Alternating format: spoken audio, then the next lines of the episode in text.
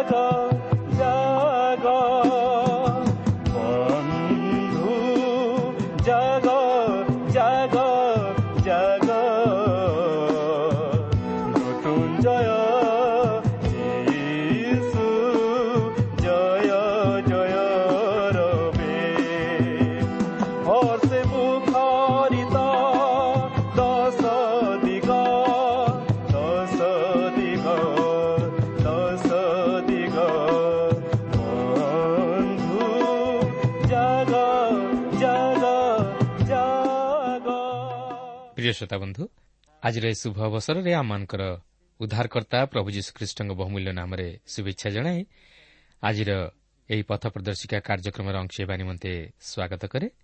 ଆପଣଙ୍କର ସହଯୋଗ ତଥା ମତାମତ ନିମନ୍ତେ ବିଶେଷ ଧନ୍ୟବାଦ। ଆପଣ ଏହି କାର୍ଯ୍ୟକ୍ରମ ଶୁଣିବା ଦ୍ୱାରା ଆତ୍ମିକ ଜୀବନରେ ଉପକୃତ ହୋଇପାରୁଥିବାର ଜାଣି ଆମେ ବିଶେଷ ଖୁସି। ପ୍ରଭୁଙ୍କ ନାମକୁ ଧନ୍ୟବାଦ ଦେଉ କେବଳ ସେତିକି ନୁହେଁ। ଆପଣଙ୍କର ଅନୁରୋଧ ରକ୍ଷା କରି ଆମେ ମଧ୍ୟ ଆପଣଙ୍କ ନିମନ୍ତେ ପ୍ରାର୍ଥନା କରୁଅଛୁ। ଆଉ ଏକ ଉପାଦେୟ ପୁସ୍ତକ ମଧ୍ୟ ଆପଣଙ୍କ ନିକଟକୁ ପଠାଇଛୁ। ତାହା ବୋଧହୁଏ ଆପଣଙ୍କର ହସ୍ତଗତ ହୋଇସାରିଥିବ ତେଣୁ ତାହା ଅଧ୍ୟୟନ କରି ତହିଁରୁ କି ଶିକ୍ଷା ଗ୍ରହଣ କଲେ। ଆଉ ସେହି ବାକ୍ୟ ମାଧ୍ୟମରେ ଆପଣଙ୍କ ଜୀବନରେ ଆପଣ କେଉଁପରି ଭାବେ ଉପକୃତ ହୋଇପାରିଲେ ତାହା ତୁରନ୍ତ ପତ୍ର ମାଧ୍ୟମରେ ଆମ ନିକଟକୁ ଲେଖି ଜଣାଇବା ପାଇଁ ଅନୁରୋଧ। ଆସନ୍ତା ହେଲେ ପ୍ରଭୁଙ୍କର ବାକ୍ୟ ମଧ୍ୟକୁ ଯିବା ପୂର୍ବରୁ ସଂକ୍ଷେପରେ ପ୍ରାର୍ଥନା କରିବା। ପବିତ୍ର ପ୍ରଭୁ ତୁମର ଧନ୍ୟବାଦ କରୁଅଛି ସୁନ୍ଦର ସମୟ ପାଇଁ। ତୁମର ଜୀବନ୍ତ ବାକ୍ୟ ପାଇଁ। ପ୍ରଭୁ ତୁମର ବାକ୍ୟ ମଧ୍ୟ ଦେଇ ତୁମେ ଆମମାନଙ୍କ ସହିତ କଥା କୁହ। ତୁମର ପବିତ୍ର ଉପସ୍ଥିତି ଆମମାନଙ୍କୁ ଉପଲବ୍ଧି କରିବା ପାଇଁ ଦିଅ। ତୁମର ଶାନ୍ତି ଆନନ୍ଦରେ ପ୍ରଭୁ ତୁମେ ଆମମାନଙ୍କୁ ପରିପୂର୍ଣ୍ଣ କର। ତୁମଠାରେ ବିଶ୍ୱାସରେ ସ୍ଥିର ରହି ଚାଲିବା ନିମନ୍ତେ ପ୍ରଭୁ ତୁମେ ଆମମାନଙ୍କୁ ଏକ ସରଳ ବିଶ୍ୱାସର ହୃଦୟ ଦିଅ। ଆମମାନଙ୍କର ସମସ୍ତ ପାପ ଦୋଷ ଅଯୋଗ୍ୟତା ତୁମେ ଦୟାକରି ମାର୍ଚ୍ଚନା କର। ଯୀଶୁଙ୍କ ନାମରେ ମାଗୁଅଛୁ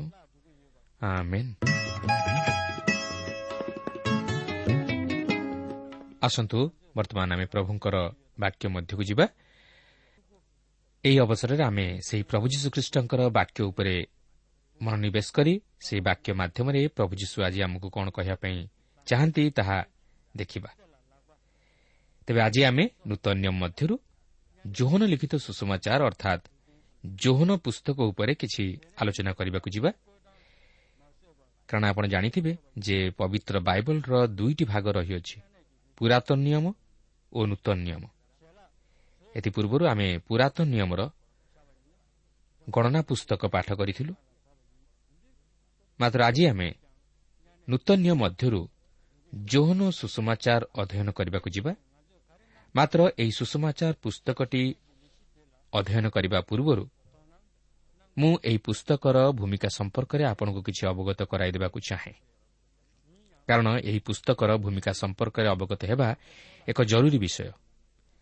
ଯଦିଓ ଏହି ପୁସ୍ତକଟି ଚାରି ସୁଷମାଚାର ମଧ୍ୟରେ ଏକ ସୁଷମାଚାର ବୋଲି ଗଣିତ ହୁଏ ମାତ୍ର ଏହା ଅନ୍ୟ ତିନି ସୁଷମାଚାରଠାରୁ ଅର୍ଥାତ୍ ମାଥ୍ୟୁ ମାର୍କ ଓ ଲୁକଠାରୁ ଅନେକାଂଶରେ ଭିନ୍ନ।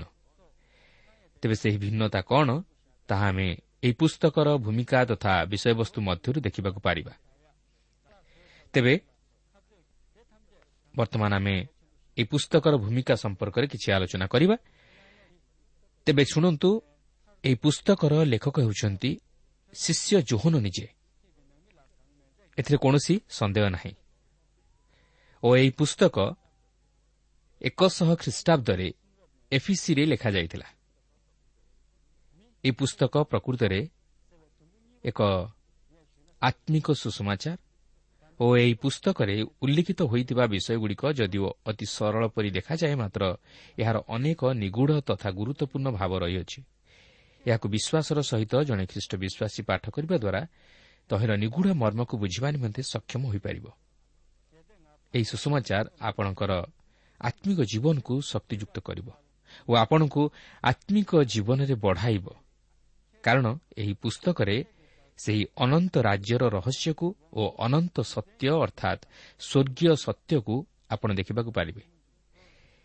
କିନ୍ତୁ ଆପଣ ଅନ୍ୟ ତିନି ସୁଷମାଚାରର ଓ ଜୋହନ ସୁଷମାଚାର ମଧ୍ୟରେ ଅନେକ ଭିନ୍ନତା ଦେଖିବାକୁ ପାରିବେ। ଆପଣ ଏହି ସୁଷମାଚାରରେ ଯୀଶୁଙ୍କର ଜନ୍ମ ବୃତ୍ତାନ୍ତ ତାହାଙ୍କର ବାପ୍ତିସ୍ମ ତାହାଙ୍କର ଶୈତାନ ଦ୍ୱାରା ପରୀକ୍ଷିତ ହେବା ବିଷୟ ଶେଷ ରାତ୍ରଭୋଜ ଗେତ୍ସିମାନି ଓ ତାହାଙ୍କର ସ୍ୱର୍ଗାରୋହଣ ବିଷୟ ନେଇ କୌଣସି ବିଷୟ ଉଲ୍ଲେଖ କରାଯାଇ ନାହିଁ ଏହି ପୁସ୍ତକରେ ଅସୁଚୀ ଆତ୍ମା ବା ଭୂତାତ୍ମା ଦ୍ୱାରା ଆବିଷ୍ଟ ଲୋକକୁ ସୁସ୍ଥତା ଦେବା ବିଷୟ ନେଇ ମଧ୍ୟ ଉଲ୍ଲେଖ କରାଯାଏ ନାହିଁ ଏପରିକି ଯୀଶୁ ଦୃଷ୍ଟାନ୍ତ ଛଳରେ ଶିକ୍ଷା ଦେବା ବିଷୟ ମଧ୍ୟ ଏହି ପୁସ୍ତକରେ ଆପଣ ଦେଖିବାକୁ ପାରିବେ ନାହିଁ।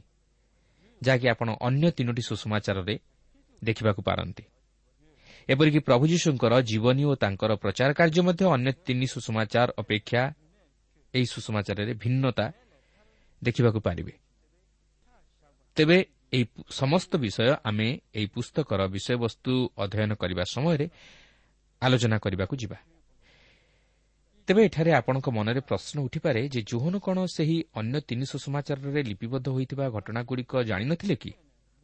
ଆଉ ଯଦି ଜାଣିଥିଲେ ତାହେଲେ ସେ କାହିଁକି ତାଙ୍କର ସୁଷମାଚାର ମଧ୍ୟରେ ଉଲ୍ଲେଖ କଲେ ନାହିଁ?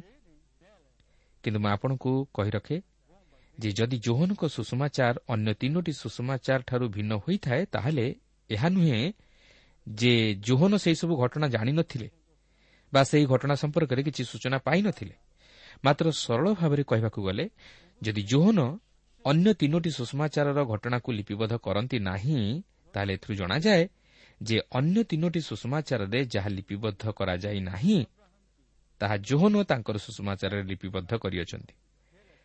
ଦେଖନ୍ତୁ ଗାଲିଲିର କାନାନଗର ବିବାହ ଉତ୍ସବରେ ଯୀଶୁ ପ୍ରଥମ ଥର ଯେଉଁ ଆଶ୍ଚର୍ଯ୍ୟକର୍ମ ସାଧନ କଲେ ତାହା ଅନ୍ୟ ତିନି ସୁଷମାଚାରରେ ଉଲ୍ଲେଖ କରାଯାଇ ନାହିଁ।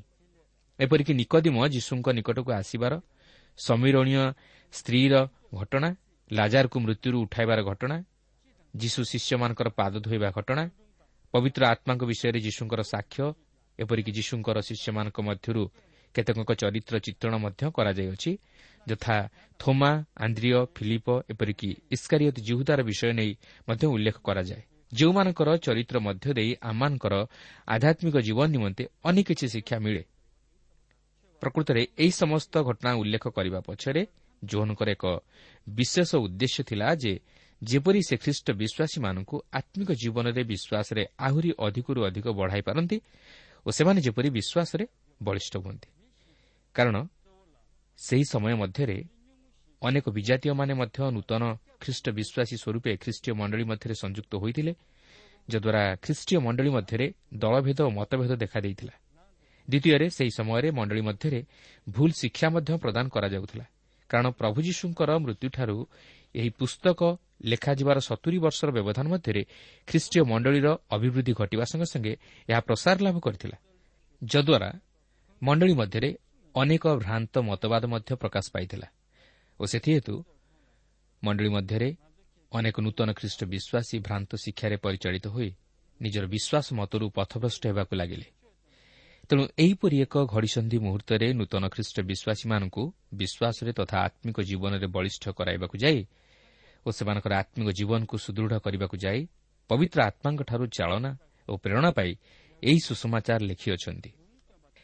ତେଣୁକରି ସେ ପ୍ରଭୁ ଯୀଶୁଖ୍ରୀଷ୍ଟଙ୍କର ମାନବତ୍ୱ ଉପରେ ବିଶେଷ ଗୁରୁତ୍ୱ ନ ଦେଇ ତାହାଙ୍କର ଈଶ୍ୱରତ୍ୱ ଉପରେ ବିଶେଷ ଗୁରୁତ୍ୱ ଦିଅନ୍ତି ଯେପରି ସେମାନେ ପ୍ରଭୁ ଯୀଶୁଖ୍ରୀଷ୍ଟଙ୍କର ବାସ୍ତବତାକୁ ଉପଲବ୍ଧି କରି ବିଶ୍ୱାସରେ ସ୍ଥିର ରୁହନ୍ତି ଓ ବାସ୍ତବ ଜୀବନ ପାଆନ୍ତି।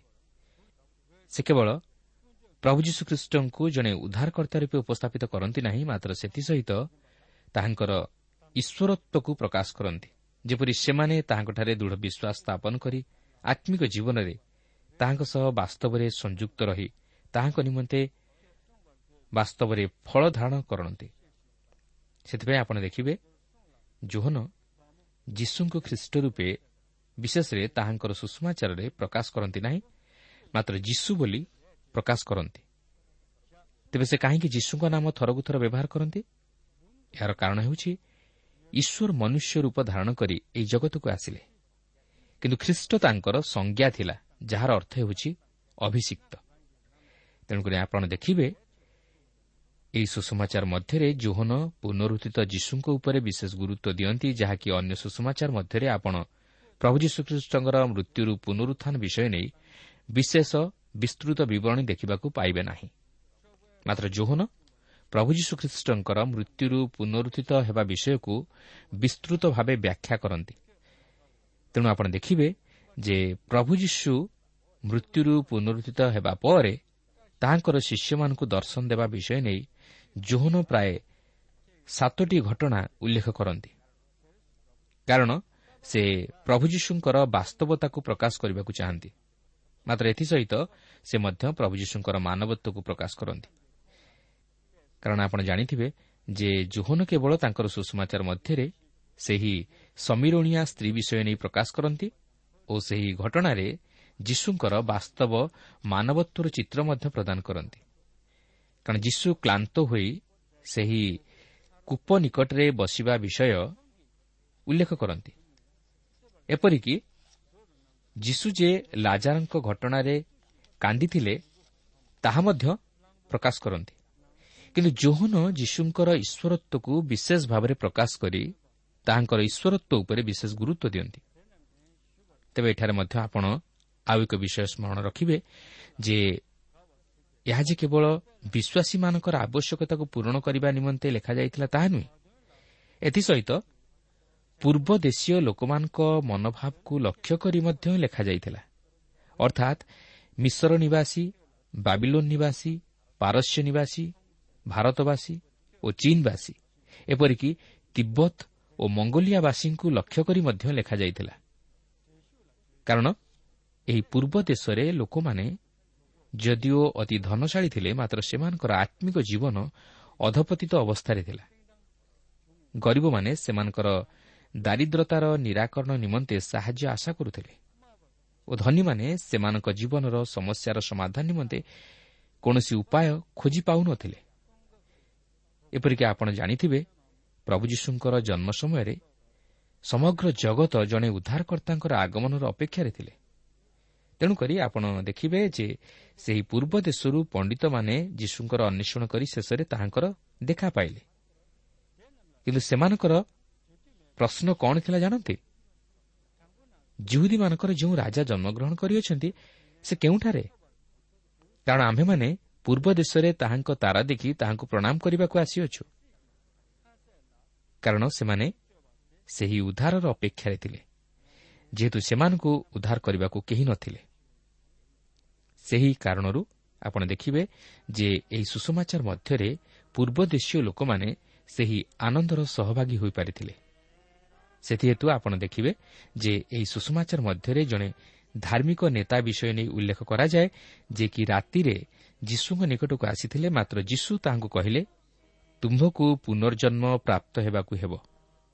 ଅର୍ଥାତ୍ ଆତ୍ମିକ ଜୀବନରେ ନୂତନ ସ୍ୱଭାବ ଧାରଣ କରି ଏକ ନୂତନ ଜୀବନଯାପନ କରିବାକୁ ହେବ।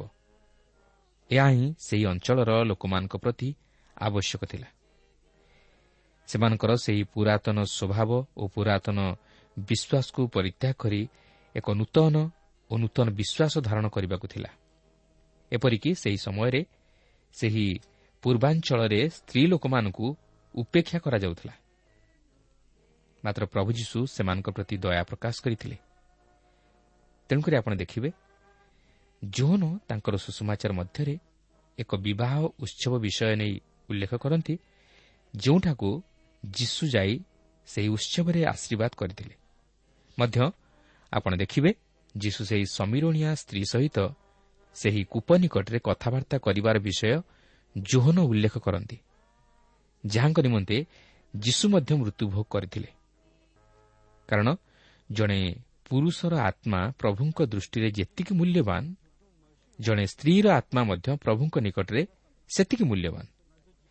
ଏପରିକି ଆପଣ ଦେଖିବେ ପ୍ରଭୁ ଯୀଶୁ ପାଞ୍ଚ ହଜାର ଲୋକଙ୍କୁ ପାଞ୍ଚଟି ରୋଟି ଓ ଦୁଇଟି ମାଛରେ ଖୁଆଇ ପରିତୃପ୍ତ କରିବାର ବିଷୟ ଜୋହନ ଉଲ୍ଲେଖ କରନ୍ତି ଯାହାକି ଯୀଶୁ ଯେ ନିଜେ ସେହି ଜୀବନଦାୟକ ଆହାର ସେହି ଆଲୋଚନା ଛଳରେ ସେ ମଧ୍ୟ ସେଥିସହିତ ଏହି ଆଶ୍ଚର୍ଯ୍ୟ କର୍ମ ସାଧନ କରିଥିଲେ।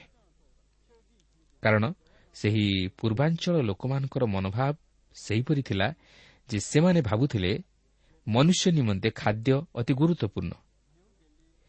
କିନ୍ତୁ ଯୀଶୁ ଏହି ଆଶ୍ଚର୍ଯ୍ୟ କର୍ମ ଦ୍ୱାରା ସେମାନଙ୍କୁ ଜଣାଇ ଦେବାକୁ ଚାହିଁଥିଲେ ଯେ ସେ ହେଉଛନ୍ତି ଜୀବନଦାୟକ ଆହାର। ଯେପରି ଯେଉଁମାନଙ୍କ ପାଖରେ ଖାଦ୍ୟର ଅଭାବ ଥିଲା ସେମାନେ ଯେପରି ଏହାର ନିଗୁଢ଼ ତତ୍ତ୍ୱକୁ ବୁଝିବାକୁ ପାରନ୍ତି। ଓ ଯେଉଁମାନଙ୍କ ପାଖରେ ଖାଦ୍ୟର ଅଭାବ ନଥିଲା ସେମାନେ ମଧ୍ୟ ଯେପରି ଏହାର ନିଗୁଢ଼ ତତ୍ତ୍ୱକୁ ବୁଝିବାକୁ ପାରନ୍ତି। କାରଣ ଜୋହନ ସେହି ସମୟର ପୂର୍ବାଞ୍ଚଳ ଲୋକମାନଙ୍କର ମନୋଭାବକୁ ଲକ୍ଷ୍ୟ କରି ଏହି ସୁଷମାଚାର ଲେଖିଥିଲେ। କାରଣ ସେମାନେ ବିନାଶ ପ୍ରାପ୍ତ ହେବାକୁ ଯାଉଥିଲେ ଓ ସେମାନଙ୍କର ଜୀବନ ଅତି କଳୁଷିତ ଥିଲା ଓ ଦୁଷ୍ଟତାରେ ପରିପୂର୍ଣ୍ଣ ଥିଲା। ତେଣୁକରି ସେମାନେ ଯେପରି ଜୀବନ ପାଆନ୍ତି ଓ ଆତ୍ମିକ ଜୀବନରେ ପ୍ରକୃତରେ ଏକ ନୂତନ ଜୀବନଯାପନ କରନ୍ତି ଏଥିନିମନ୍ତେ ଜୋହନ ଏହି ସୁଷମାଚାର ଲେଖନ୍ତି ଯାହାକି ଆଜି ଆମମାନଙ୍କ ଜୀବନ ନିମନ୍ତେ ଅତି ପ୍ରଯୁଜ୍ୟ। ଆଜି ମଧ୍ୟ ଆମମାନଙ୍କର ଜୀବନ ଦୁଷ୍ଟତାରେ ପରିପୂର୍ଣ୍ଣ। ଆଜି ଆମେ ଜଗତ ପାଇଁ କେବଳ ଲାଳାୟିତ। ଜଗତର ସୁଖ ସ୍ୱାଚ୍ଛନ୍ଦ୍ୟ ପ୍ରତି ଆମେ କେବଳ ଦୃଷ୍ଟି ଦେଉ।